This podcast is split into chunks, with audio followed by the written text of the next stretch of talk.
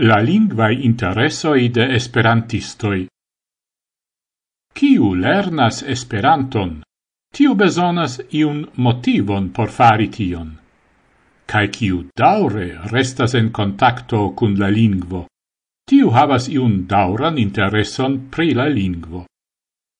Ciel cio en la homa vivo, la gamo de eblezoi estas suffice vasta. Donec el socia vidpuncto, nec el lingva vidpuncto existas la esperantisto cun uniformai traitoi. Dum la unua iardecoi de Esperanto, do en la pionira faso, eble tia uniformezzo estis constatebla. La movado tiam ja estis batal comunumo, sed en nia epoco tio certe ne plu estas la caso. Dum tiui unuae iardecoi de la lingvo, gravis montri alla mondo che la lingvo estas tauga por internazia comunicado.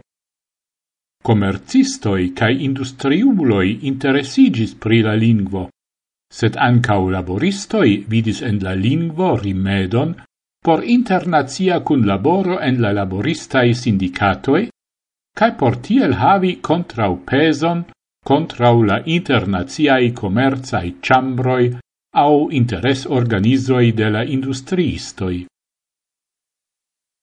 Esperantisto estis tiam pli funcciulo por iui el tiui interessoi, cae appena celis practici la lingvon, precipe por privata uso.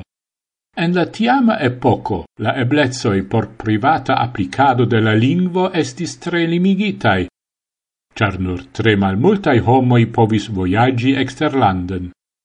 Restis cefe la correspondado.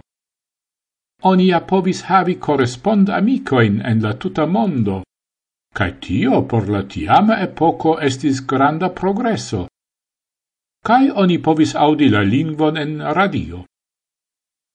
Sed tiu faso finigis post la monda economia criso en la jaro 1929, cae aperis naziismo, fascismo, cae la dua montmilito. Post la milito ja estis mallonga reactivigia faso quiu tamen baldau finigis, ciam evidentigis che la circonstanzoe changigis.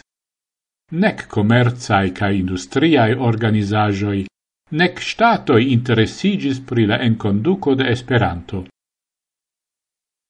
Nur en la soveta influssfero, post la morto de Stalin, oni iom accelis Esperanton kiel lingvon por internaciismo, cae tiel Esperanto organizajoi cae cluboi de esperantistoi povis funkcii sub stata cae ideologia controlo.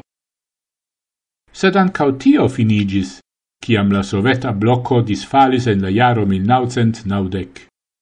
De tiam Esperanto nenie plu en la mondo havas politikan signifon, kaj apenao ekzistas entreprenoj ekster la esperantistaj rondoj, kiui usus la lingvon por internacia komunikado.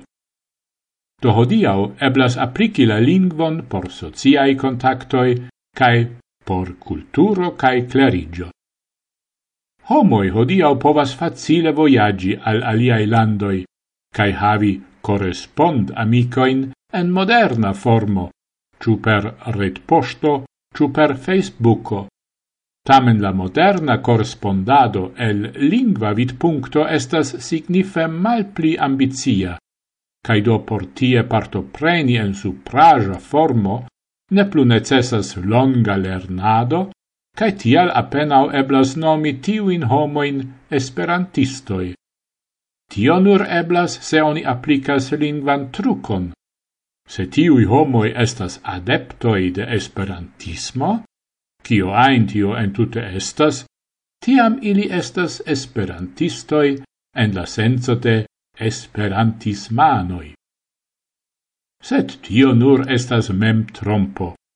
Por vivteni la lingvon necessas homoi kiwi publice parolas gin cae la temaro estu largia. Tiel la Esperanta retradio servas por vivteni la lingvon cae la tradiziai movadai organizajoi devus apresi tion, cae ancao esprimi tiun apreson. Mi esperas che tio baldau ocasos